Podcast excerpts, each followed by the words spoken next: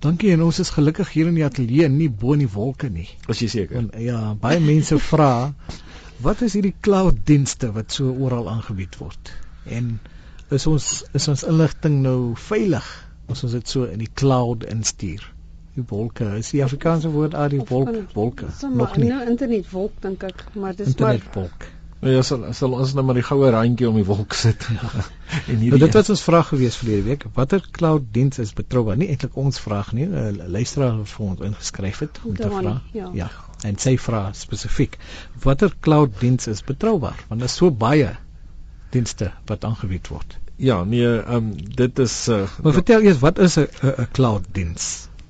'n clouddiens is ons gebruik dit eintlik al reeds elke dag. Ehm um, is al redelike verskeidenheid van cloud internetdienste uh, al besef mense dit nie uh, noodwendig nie, maar die meeste van jou foto's, video's, enige ander lerf wat jy in die internet oplaai, um, gaan sit in die cloud. Ek wil dis op die einde van die fisiese bediener ergens in die wolke tussen die reën en die haal en so aan nie. nie.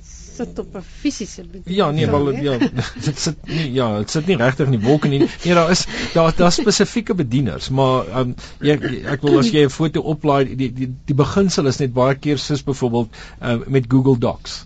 So die die verskaffer daar natuurlik Google, maar jy kan jou jou dokumente daar gaan sit en dit dan sit jy dit natuurlik nou in die cloud. Die cloud beteken dan maar net in effek mos nou maar die internet. Die jy dis maar net Hierdie groot oral plek. oral oral beskikbaar, een groot wolk. In die in die in die terminologie kom seker ook van die feit dat dit maklik enige plek in die wêreld beskikbaar kan wees, soos wolke wat nou maar net gedurig aan die be beweeg is. Ja, en dit aan dis altyd hoe die internet geteken was, Hmm. as die wolkie. Ehm um,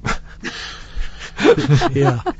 okay. Ehm um, nou ja, soos dit tannie wat gevra het of mense asseblief die internet vir die stiffy disk kan kopie. Ja. Ehm um, nou ja, Bietjie bietjie moeilik. Groot dis. ja, dit gaan nie nou meer vandag werk nie. Nou ja, die vier hoofspelers op die oomblik wat die clouddienste aan- aanbetref is uh, natuurlik Amazon, Apple, Google en Microsoft. En uh, dan is daar natuurlik kleiner verskaffers soos byvoorbeeld Dropbox. Ek is nogal ek hou van Dropbox. Dropbox Hmm. werk vir my goed. Ehm um, Inter interessante inligting oor die grootte van die internet se se cloud. Ek wil as mens nou wil kyk hoe groot is hierdie wolk. Ehm um, is dat Facebook byvoorbeeld 100 petabytes. Nou ons sal 'n bietjie gesels op 'n op 'n latere stadium oor hoe groot is 'n petabyte, maar 100 petabytes media, ehm um, so dis nou foto's en video's stoor. Microsoft erken dat ehm um, Hotmail meer as 100 petabytes en SkyDrive ehm um, so wat 10 petabytes se data stoor. Nou uh, dit is 'n redelike groot verskeidenheid. Net om te sê, kyk 'n terabyte is nou omtrent ons harde skywe is ons nou al begin met Deesdae, ja. terabytes Ja. Wees. 1024 terabytes maak 1 petabyte. Ja, nee, so net om ja, so klein bietjie konsep te gee. Ons gaan ons sal 'n bietjie uitbrei meer op dit. Ehm um, Amazon gee nie die aantal petabytes nie, maar hulle verskaf wel dat die aantal op objekte, so die hoeveelheid items, sal mens nou maar sê, wat hulle um, in in hulle S3 cloud diens gestoor word, um, April 2012 nou hierdie jaar, um, het Amazon reeds 905 biljoen objekte gehad. Nou as jy net in ag neem dat elke objek 1 meg groot is, um, dan beloop dit al klaar 900 petabytes. Ek ons praat hierso nie van klein bedrag getalletjies nie. Um en 900 petabytes net om dit verder te vat as jy dan nou ons het nou gesê jy het nou gesê 1024 um terabytes is 'n petabyte.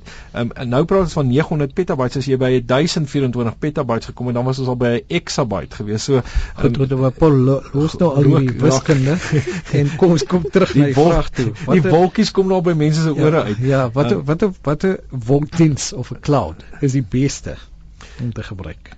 Dis wat dit wat dis wat tot eintlik gevra was, ja. wel ek dink die groot de, definitief die groot is daar buite soos wat ons nou genoem het met die name um, so Dropbox byvoorbeeld um, het die- 'n jaar terug 10 plus petabyte se data gestoor en hulle het 25 miljoen gebruikers gehad. En vandag 'n jaar later het hulle 100 miljoen gebruikers en stoor hulle ongeveer 40 petabyte Nou dit, um, dit gaan seker ook afhang van hoe veilig jou data is, nê, nee, en hoe vinnig jy dit kan terugkry as jy dit nodig het. Dis dis verseker ja. Dropbox gebruik Amazon se S3 cloud as 'n stoorplek. So weer eens sal dit vir jou ek wil jy kan maar verseker wees op Amazon is jy oor die algemeen veilig.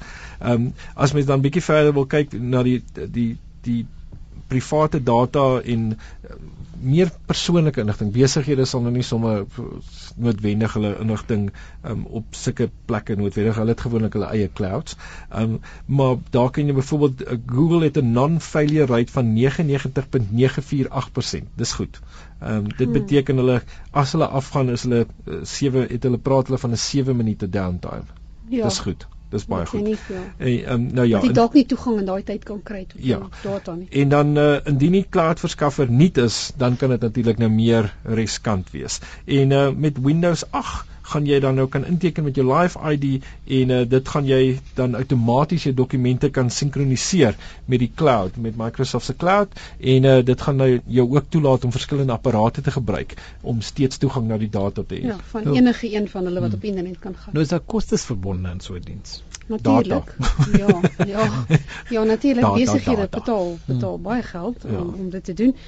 Kyk byvoorbeeld SkyDrive van Microsoft is gratis. Jy kry baie van hulle wat 'n gratis kyk. Dropbox het ook 'n sekere aantal gig gratis. Ja. Maar dan as jy meer wil gebruik as 'n besigheid, dan dan moet jy nou betaal ja. per hoeveelheid wat jy gebruik. Mm -hmm en en seker ook die koste van die data soos jy dit oplaai ja. en aflaai. Ja. Baie mense uh, besef dit nie ek, ek kyk nou 'n bietjie by my hoe my data besig is om mm. rond te spring juis as gevolg van van dit want jy nou jy sinkroniseer nou met verskillende ehm um, devices van jy so nou laai hierso werk jy op dit dit gaan internet toe dan skakel jy daai masjien af dan sinkroniseer hy met daai en dan laai hy af sin toe ehm um, so daar's 'n konstante vloei van data en mense vergeet mense vergeet natuurlik van dit. so lees meer oor clouddienste Ari? Ja, ek het hom hier webwerf extremetech.com, ehm um, wat wat 'n bietjie inligting gee oor die oor al die inligting wat te doen het met die cloud. Wat is die beste en wat is nou betroubaar en so. En ek sien een van die een van die bladsye op hierdie webwerf extremetech.com is how big is the cloud? Ja, ja. Ja, dit het nou niks te doen met die hondjie in die venster ja. nie, nee. Op dit is van Jaarsveld. het vir ons 'n e-pos gestuur. Ek is nie seker of julle al hierdie bespreek het nie in 'n vorige program nie, maar ek het vandag 'n interessante oproep ontvang. Maar jy kan maar verder vertel, nee. sien dat jy dit uh, opgevolg het. Ja, hy's uh, my sê die vrou het haar voorgestel as 'n as 'n support of 'n ondersteuningspersoon van Microsoft. En toe het sy nou hom laat klik op sy rekenaar en sy het hom toe oortuig dat daar foute was en toe instruksies gegee om die afstandbeheer sagteware die wat ons remote desktop control sagteware noem af te laai van www.mmi.com. O A A M M A W liewerster.com. En toe hy nou so in die helfte van gesprek toe hy nou um begin onraad vermoed. Mm -hmm. omdat hy nou genoeg kennis daaroor het. En Albertus het ook vir ons die, die gesprek opgeneem en dit toe vir ons aangestuur. Ja. ja. Ja, en sy was nou selfs uitdagend toe toe hy begin toe hy nou begin daaroor praat. Mm. En ehm um, later toe gaan lees hy op toe sien hy dat die verskaffer van daardie ehm um, desktop control sagteware het ook 'n waarskuwing op hulle webtuiste gesit waar hulle waarsku dat indien al die instruksies van daai persoon gevolg word jy jou rekenaar wyd oopstel vir allerlei tipe hmm. kibermisdade. Hmm. Hmm. So gelukkig um, was hy werk hy sy self hmm. gekwalifiseer in die in die in IT bedryf hmm. en het hy agtergekom daar foute. So hy stuur dit maar net in sodat dit as 'n waarskuwing dien vir iemand as dat as iemand jou hmm. bel en maak of sê hulle is van Microsoft Ehm um, jy sal moet betaal daarvoor. Hmm. Maar toe het jy 'n bietjie verder gevat, Harry. Ehm um, ek het nie regtig ver net verder gaan oplees nie. Ek wil ek ja. wil net ja, ek wil net hierso by sê ek dis dalk nou maar hoe ek ook is, maar as, as jy 'n oproep kry van iemand of, uh, van 'n privaat nommer, ehm um, ek kry deesdae besighede wat my ook bel wat dan sê hulle wil net kyk of of jy die regte persoon is.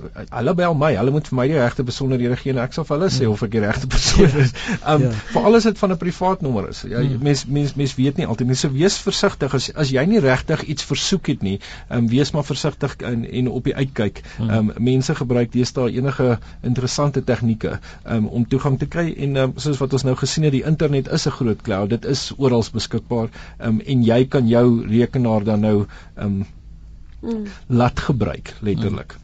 Nou Ari, jy kan vinnig Justin se wenk hier gebruik.